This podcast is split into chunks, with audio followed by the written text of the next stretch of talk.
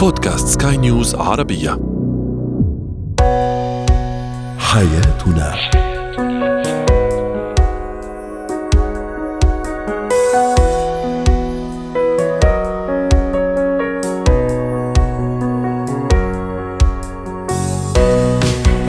مستمعينا الكرام أهلا بكم معنا إلى حياتنا. فضاؤكم اليومي الذي يعنى بشؤون الأسرة وباقي الشؤون الحياتية الأخرى والذي يمكنكم الاستماع إليه عبر منصة سكاي نيوز ارابيا dot com slash podcast وباقي منصات سكاي نيوز العربية الأخرى. شاركونا عبر رقم الواتساب 00971 561 8 معي أنا آمال شاب. اليوم نتحدث عن الإجازات العائلية السياحية. هل هي لراحة الزوجين أم لسعادة الأطفال؟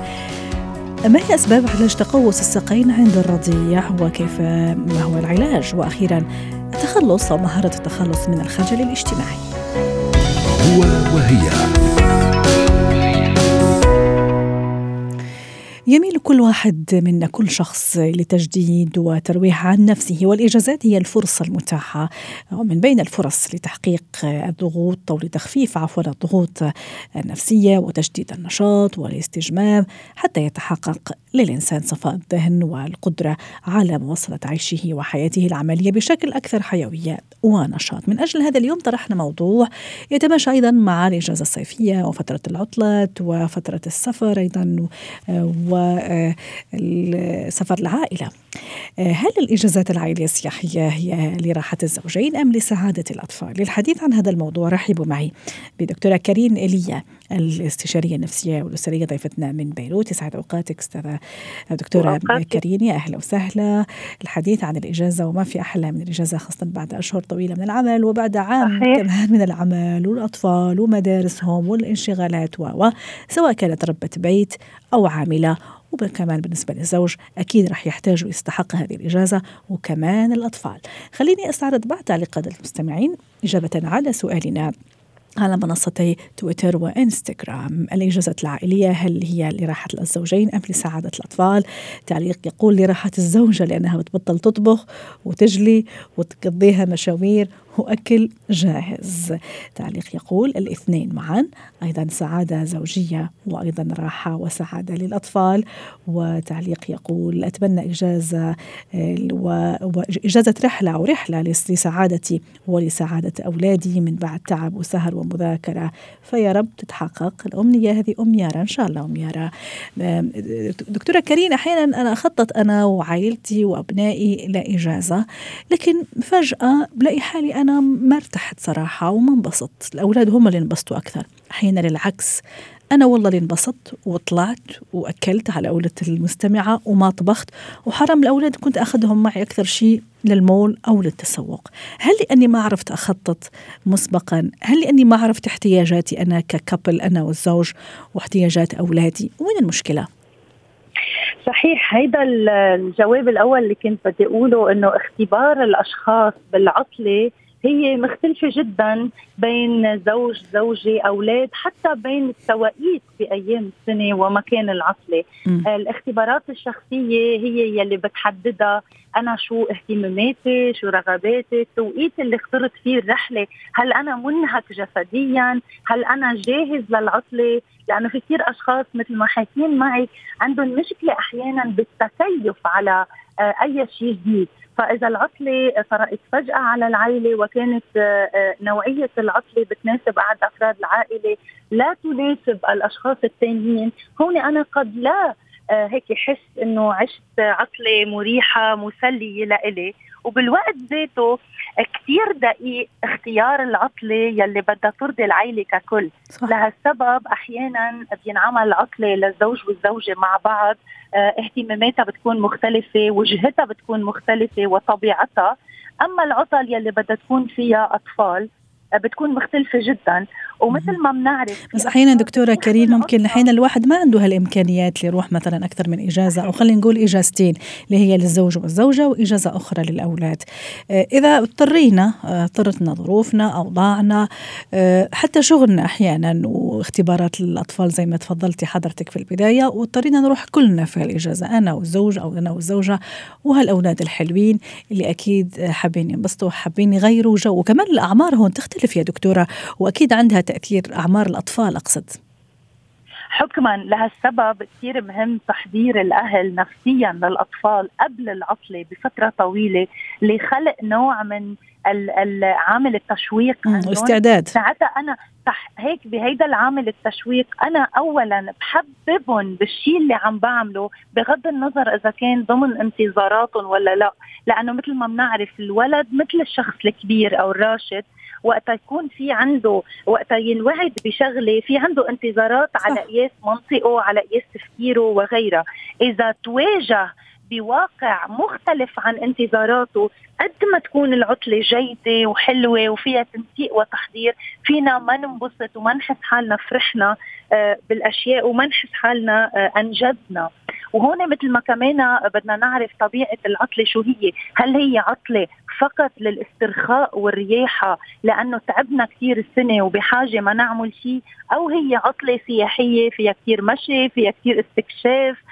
فيها آه، يعني كمان طبيعة العطلة بده يتحضر لها نفسيا الأهل. ومثل ما ذكرتي بحسب أعمار الأولاد نحن بدنا نجرب آه، نرغبهم بمضمون العطلة بشكل مختلف. يعني نفس الوجهة الشخص الابني يلي عمره 12 13 بدي خبره وحببه بالوجهة السفر بطريقة مختلفة عن الولد يلي عمره 6 7 سنين آه وأخذتهم معي. وبالوقت ذاته نحن وبالعطلة كأهل علينا دور إنه نضلنا نذكر أولادنا بكل شغلة حلوة عملناها إنه هيدا إنجاز. لأنه ما بدنا ننسى الولد من خلال هالاختبارات الجديدة هو عم بيسجل ذكريات. صح. وهيدي الذكرى الميموريز بس يكبر تبقى براسه. فإذا مم. كانت العطلة غير إيجابية بده يكون عنده ذكريات دائما آه غير غير مرضية له واحيانا ممكن تعرقل لرحلات ثانية مع الأهل لأنه الاختبار الأول كان غير جيد أو وكمان تعرق الرحلات الجاية إذا كانت كمان التجربة مش حلوة بالنسبة للزوجة أو الزوج كمان راح يرجعوا يتذكروا موقف اثنين ثلاثة ممكن حتى اختلفوا فيه وحتى تشاجروا فيه. وحكيتي نقطة ولكن أحيانا نعم ولكن هون على هذا المستوى بالإجمال الزوج والزوجة هن يلي بيكونوا عم بخططوا للرحلة وعم بينظموها بيقدروا يكونوا تعلموا من الخبرة السابقة لرحلة لسفرة معينة أو لعطلة ليرجعوا ينظموا ويحضروا عطلة ثانية.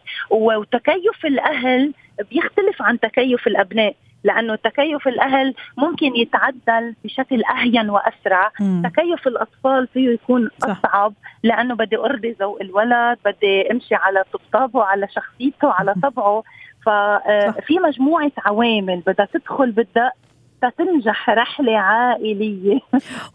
وحتى أحيانا إذا كانت ناجحة وإلى حد كبير بدنا نعمل حساب المفاجآت الغير لطيفة أو غير محسوبة أيضا آه، والغير متوقعة حتى يكون ضررها أقل. ونرجع لبيتنا وحنا يعني إيه مش مبسوطين بس مش مبسوطين كثير كثير كثير. يعني قضينا أيام حلوة وعرفنا كيف نتكيف مع المفاجآت. خلينا نقول مرض أحد الأولاد لا سمح الله ضيع شيء مثلا ثمين اضطرينا ندور عليه ما عرفنا نرجع لبلدنا.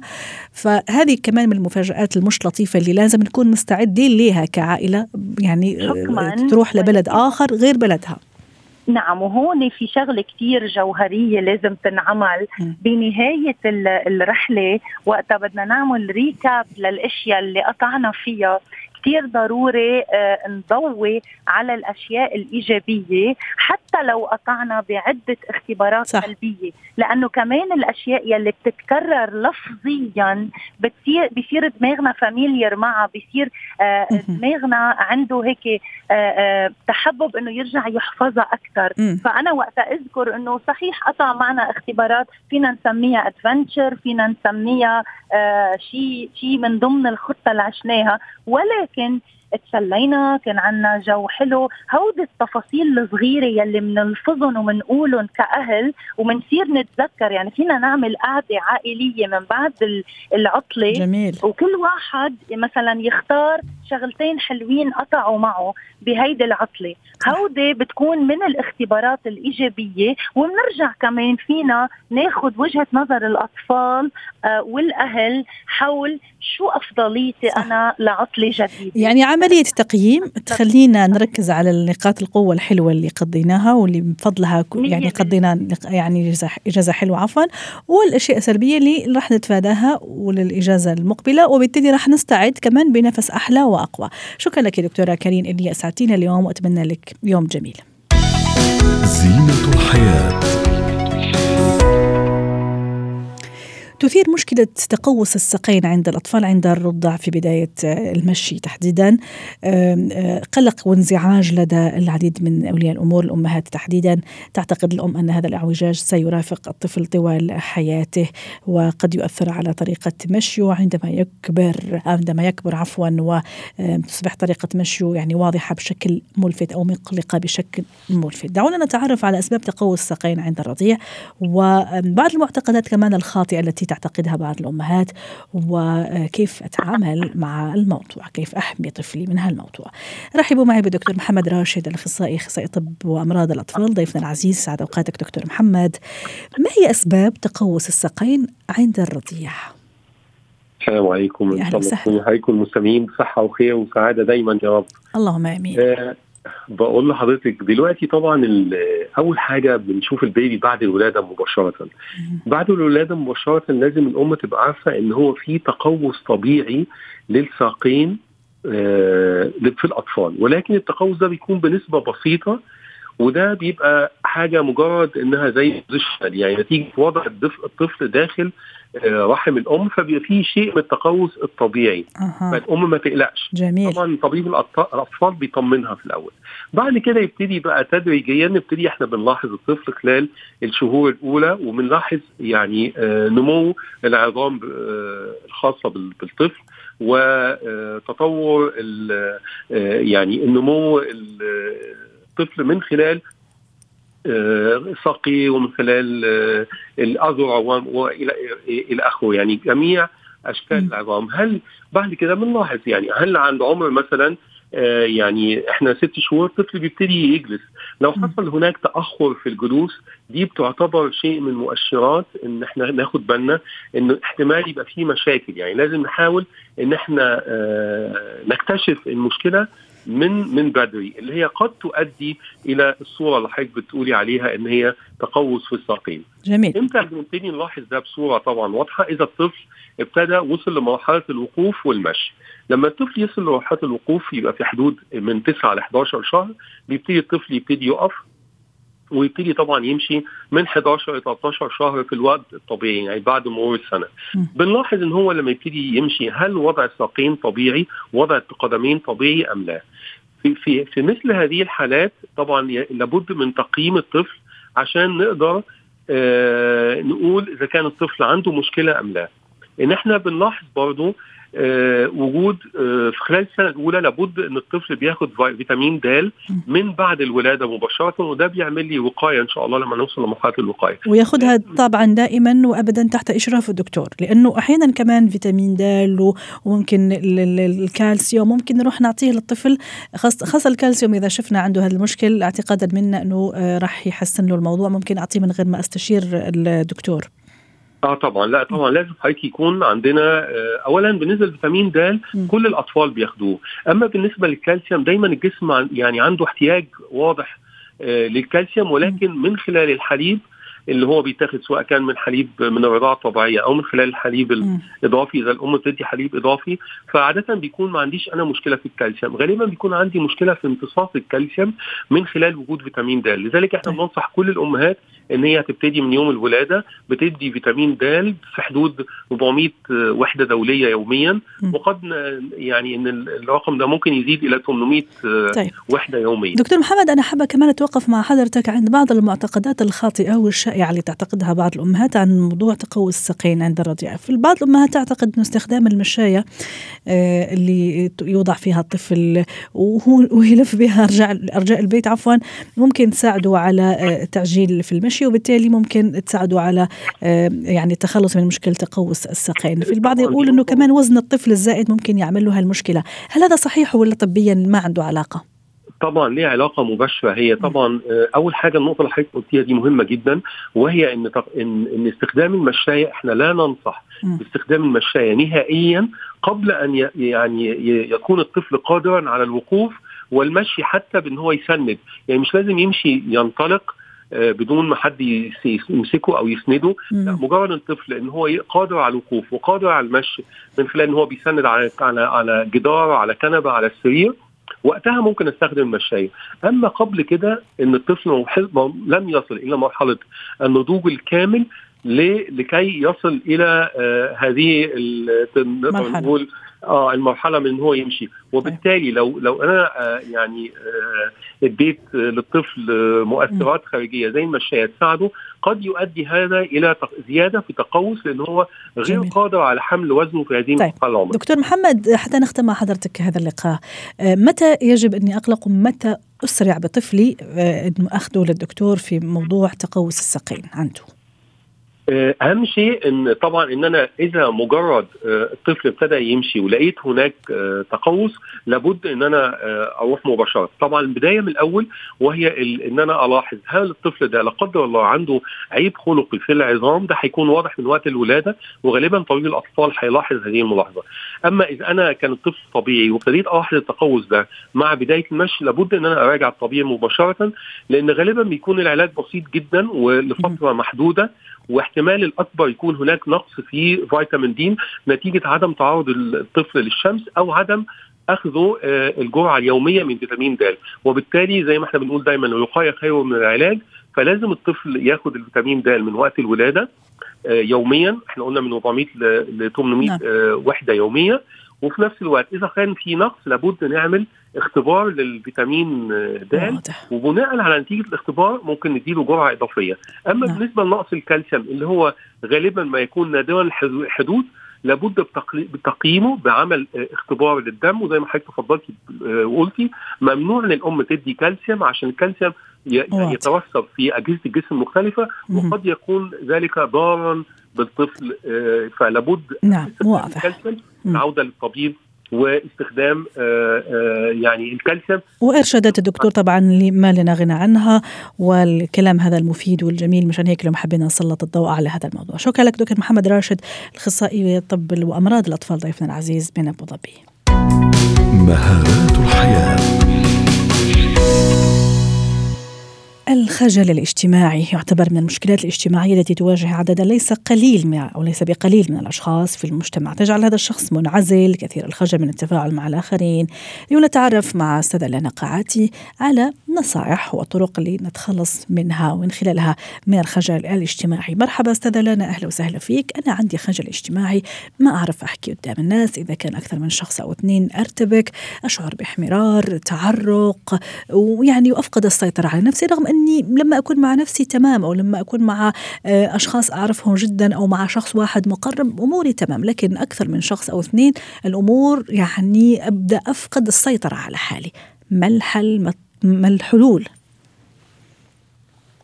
نهاركم سعيد سهلا. ومثل ما ذكرتي أنه كثير مننا ممكن بيعاني من الخجل الاجتماعي ويمكن حتى أغلبنا بالبدايات تعرضنا لمواقف وبعدين طورنا من مهاراتنا لحتى تعدينا هالمرحلة.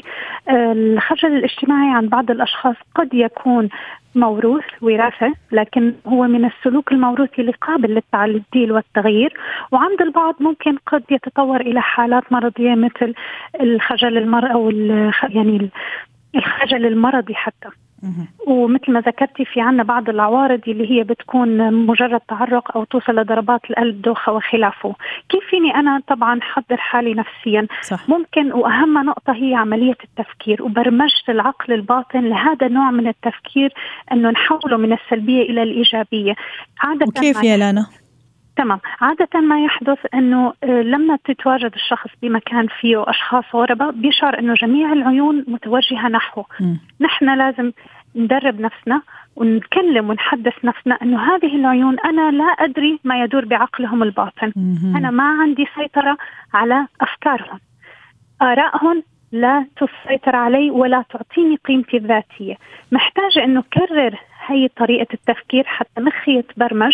وعند تواجدي مع المحيط الغريب أذكر نفسي بهذا الموضوع. أنا موجودة لألقي كلمة أو أنا موجود حتى أقوم بدور مجتمعي أو حتى يكون في لغة تواصل بيني وبينهم لكن أنا لا أسيطر على أفكارهم وآرائهم. فهي أهم يعني أهم نقطة هي تحويل التفكير إلى الطريقة الإيجابية وبيحتاج طبعا تدريب وإعادة تفكير. أيوه. على على ذكر التدريب لانا إلقاء مثلا خلينا نقول الكلمات العروض الخطابة. التقديمية الخطابية تماما. آه، مرة مرتين ممكن مرة مع شخصين مش أكثر ممكن ثم تتسع الدائرة أربع أشخاص ثم عشرة وهكذا. يعني بالتدريب والتدريج. هل كمان هذه من الأشياء اللي تشوفي أنه إيه ممكن تساعد الشخص اللي يعاني من الخجل الاجتماعي اللي نتخلص منه؟ طبعا التدريب في أنواع مختلفة للتدريب مثل ما ذكرت الخطأ قد تكون منها وفي حتى مهارات آه، تكون بطريقة جماعية صح. هوايات جماعية. قصدك رياضة مثلا أنشطة جماعية صح. هي بتستدعي للعمل مع التيم بتستدعي أنك تتعرف على أشخاص جداد ما بتعرفهم فلازم تتواصل معهم. طبعا ممكن الالتحاق بدورات لتحسين مهارات التواصل الاجتماعي. يعني أحيانا الشخص تفقد هذه المهارات ما بيعرف كيف يتصرف آه، ما عنده الاتيكيت الأسلوب يحتاج أنه يسجل حتى يحسن يكون جاهز للمحيط اللي حواليه. هذا أكيد آه، مهم. أيضا إذا احتاج الموضوع حسب حالته ودرجة الرهاب الاجتماعي إذا وصل لدرجة عالية فضروري انه يتوجه لأخصائي نفسي للحصول على نوع معين من العلاج السلوكي بهذه الحالة. فطبعا هذا أقصى الحالات اللي بتكون فيها. وفي طرق ثانية أكيد طبعا مختلفة أنه الإنسان يحاول قدر الإمكان أنه يخرج إلى الخارج يتواجد بمحيط آه. فيه أشخاص. هذا اللي كنت راح أسألك عنه يا لانا الاندماج في محادثات مع الآخرين حتى إذا ما كنا نعرفهم ترى. ممكن أسلم صباح الخير كيف حالك؟ شو أخبارك مثلا؟ سؤال من هنا جواب من هناك. يعني حوار خمس دقائق مثلا ممكن يخليني فعلا أعزز ثقتي بنفسي ومع نفسي أنه ما صار شيء. أنا حكيت مع سي من الأشخاص والأمور تمام يعني حاورت أو حاورتها والأمور طيبة يعني. وممكن يبدأ الموضوع تدريجي يعني تكوني قاعدة بكافيه اللي بيحصل مع الناس الخجولين أو يعني ما بدي أستخدم قد تكون كلمة خجول بس إلى حد ما بيختاروا زاوية. وبيقعدوا فيها حتى يحسوا إنه هن منعزلين. وهن في وهن في أمان كمان. الجلوس. نعم وهن في أمان. فتغيير هي العادات البسيطة إنه لا أنا أقعد بالقسم اللي فيه كتير ناس بدل ما أقعد بالزاوية المنعزلة البعيدة. أه أحاول إنه إذا مثلا رايح على أحضر مناسبة معينة أو ورشة حاول أكون بالصف الأول. ما أقعد بالصف الأخير. مجرد هاي التغييرات قد تبدو بسيطة بس مع الوقت بتأثر والواحد بيعملها بشكل تدريجي طبعا حتى ما يعني ما يصير في صدمة. صحيح. شكرا لك استاذة لنا قاعتي مدربة مهارة حياة ضيفتنا العزيزة من دبي وأتمنى لك أوقات سعيدة. حياتنا.